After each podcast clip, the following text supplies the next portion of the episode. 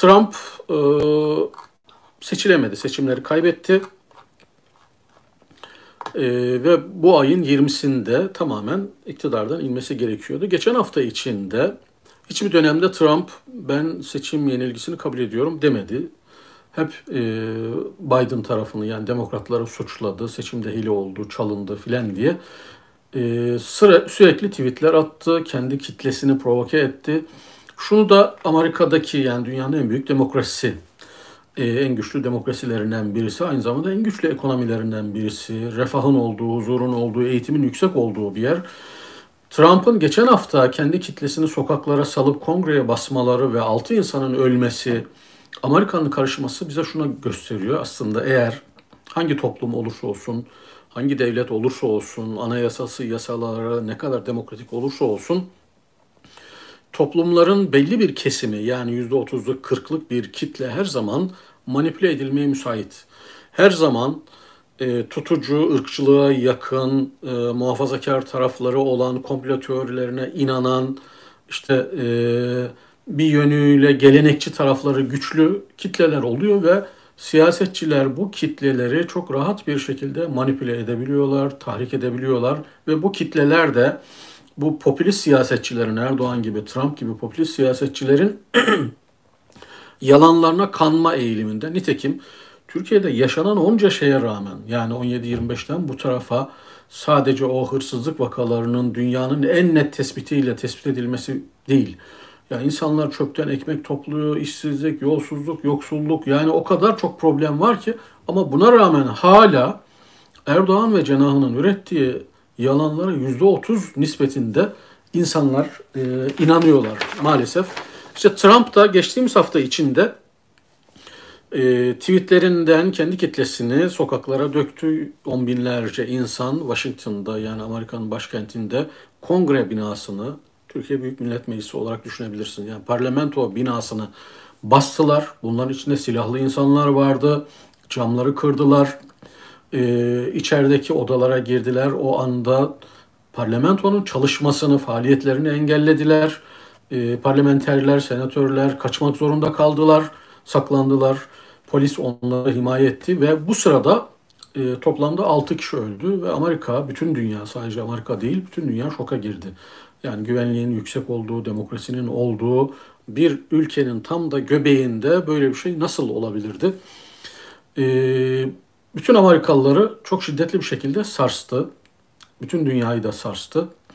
E, otoriter ülkelerin yani Rusya, Çin gibi ülkelerin Trump'ın 2016'daki seçimlerinde de gördük.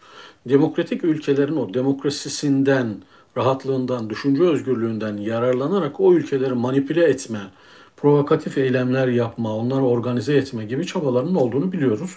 Trump'ın seçimi döneminde de bunlar oldu. Hatta e, Facebook üzerinden o bilgilerin alındığı, paylaşıldığı, böyle etki gruplarının, provokatif grupların oluşturulduğu filan ortaya çıktı ve bunlarla ilgili dava açıldı. Facebook'a ciddi cezalar da e, yazıldı ve Facebook açık mahkemede ifadeler vermek zorunda kaldı Zuckerberg. E, bütün bunları bir araya getirdiğimizde aslında demokrasilerin çok da köklü olmadığını, kırılgan olabildiğini, demokrasileri korumak için, hukuk düzenini korumak için kurumların, toplumun, kamuoyunun, her kesimin dikkatli ve duyarlı olması gerektiğini bize gösterdi. E, ironik olan şeylerden birisi de şuydu. E, Türkiye'den de e, Amerika'daki gösterilerde göstericilere sert davranılmaması, işte e, gösteri ve nümayiş ifade hürriyetine dikkat edilmesi gibi açıklamaların yapılması içten içe hepimizi güldürdü. Yani 84-80 yaşındaki, 80 yaşındaki yaşlı amcaların sadece e, bir hayır kurumuna hayırda bulunduğu, burs verdiği için kelepçelenip hapse atıldığı bir ülkenin işte zannederim meclis başkanıydı bunu yapan. Meclis başkanı böyle bir açıklama yapıyor. Yani Amerika'ya ifade hürriyetine dikkat edin, göstericilere sert davranmayın diyor. Aynı anda işte Boğaziçi'lere yapılanı gördük. Boğaziçi Üniversitesi'ne yapılanı gördük. Peki bu vakada Trump'ın başarısız olmasının sebebine tırnak içinde yani Erdoğan'ın başardığını Trump neden başaramadı? Bunun sebepleri üzerinde biraz duralım isterseniz. Bunun birkaç sebebi var arkadaşlar. bir zaman, en önemli unsur zaman. Trump'la Erdoğan'ın kumaşının çok benzer olduğunu düşünüyorum. Yani birisi fakirlikten gelmiş, varoşlardan gelmiş ve saltanatı gücü bulunca e, şımarmış, dünyanın en zenginler arasına girmiş birisi.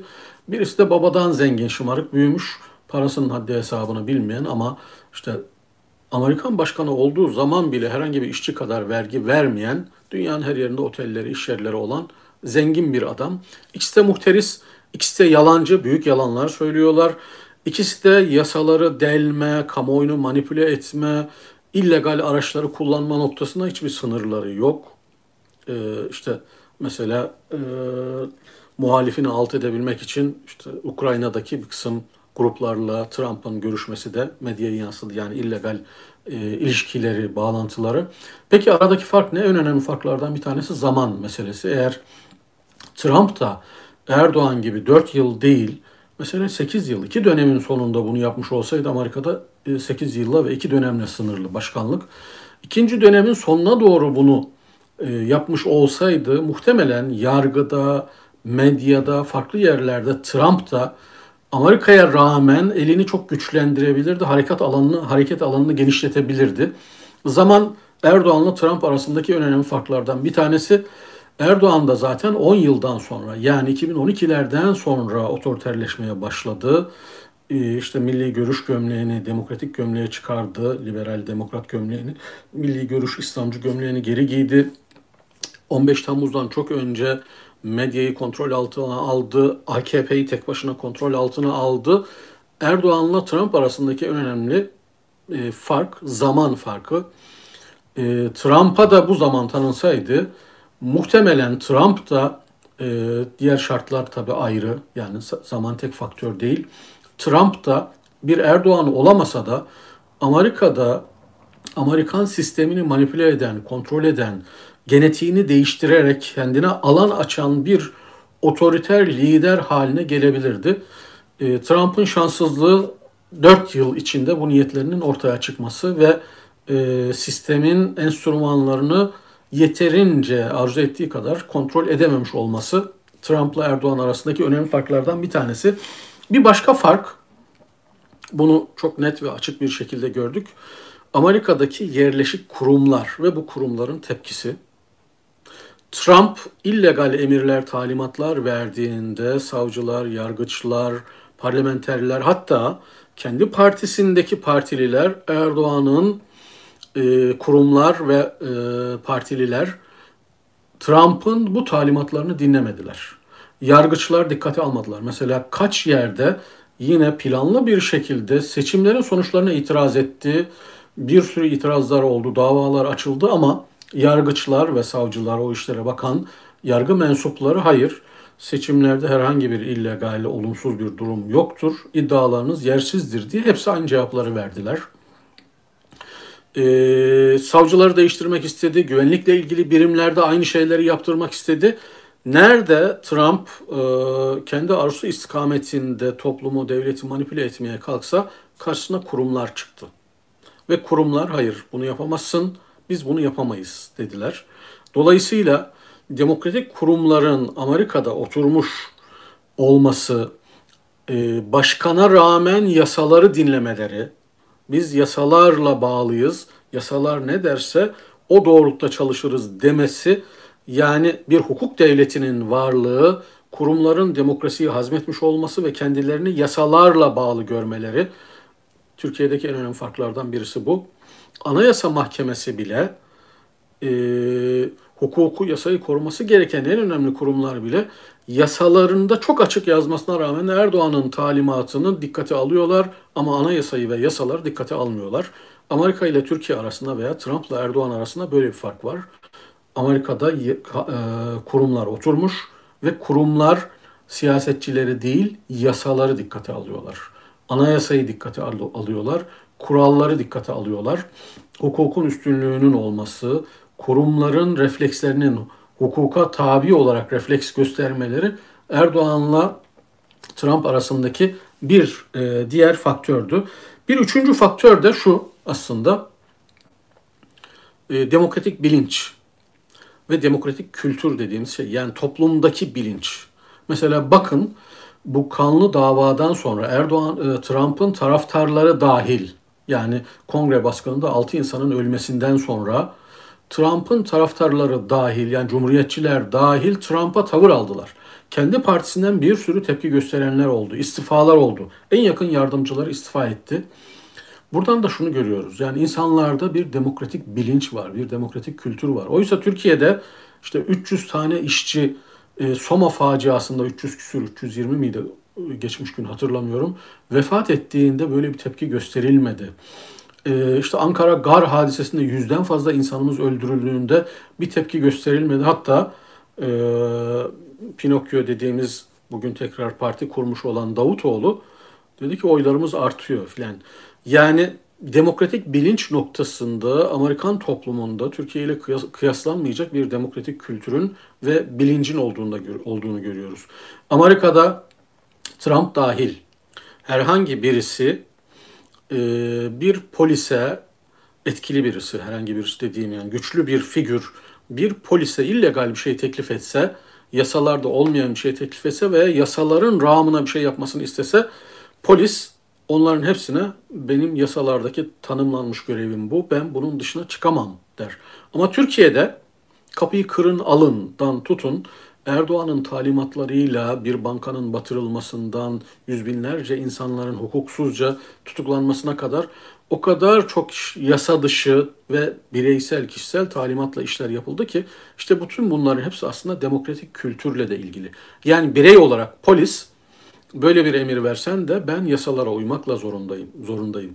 Yargıç sen emir versen de ki hukuk devletinde yargıçlara hiç kimse emir veremez. Sen bana baskı yapsan da ben yasaları uygulamakla görevliyim diyerek bireysel olarak da tek tek tepki gösterebilirdi.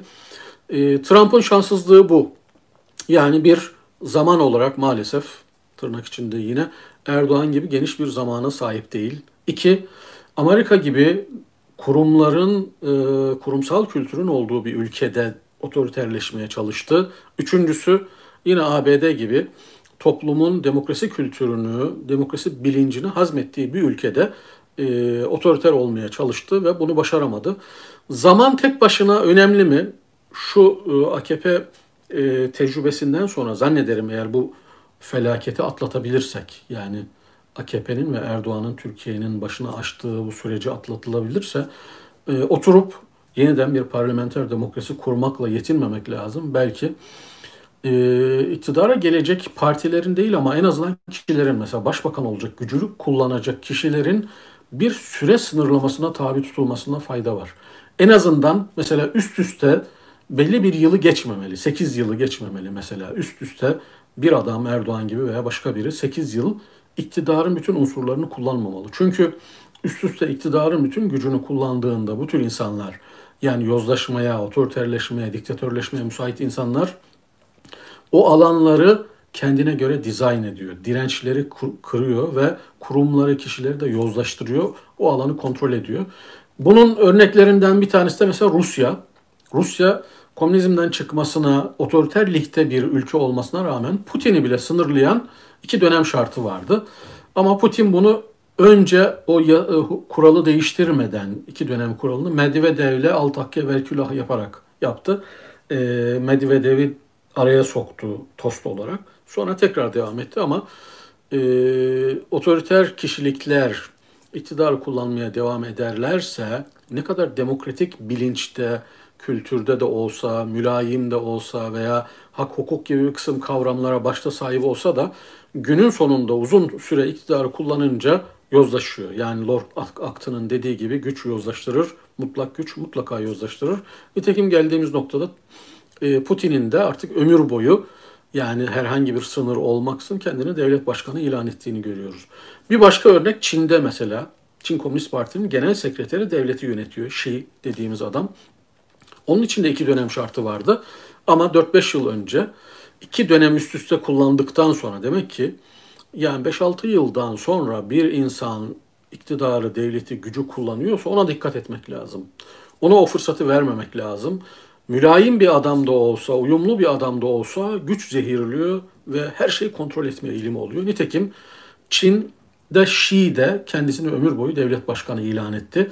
Yani Türkiye'de Erdoğan'ın bu hale gelmesi 83 milyonu endişelendiriyor. Ama 1,5 milyar nüfuslu dünyanın devasa siyah askeri gücüne, ekonomik gücüne, e, diplomatik gücüne sahip olan Şii'nin ömür boyu orada durması bütün dünyayı endişelendiriyor, panikletiyor. E, demek ki zaman çok önemli. Türkiye'nin kaybettiği en önemli noktalardan bir tanesi Erdoğan gibi bir lidere e, çok uzun süre e, yetki verildi. Yani 19 yıl oluyor zannederim. 19 yıldır iktidarda. 10 yıldan sonra yani melek olsa insanların iktidarda sağlıklı kalabilmeleri çok zor.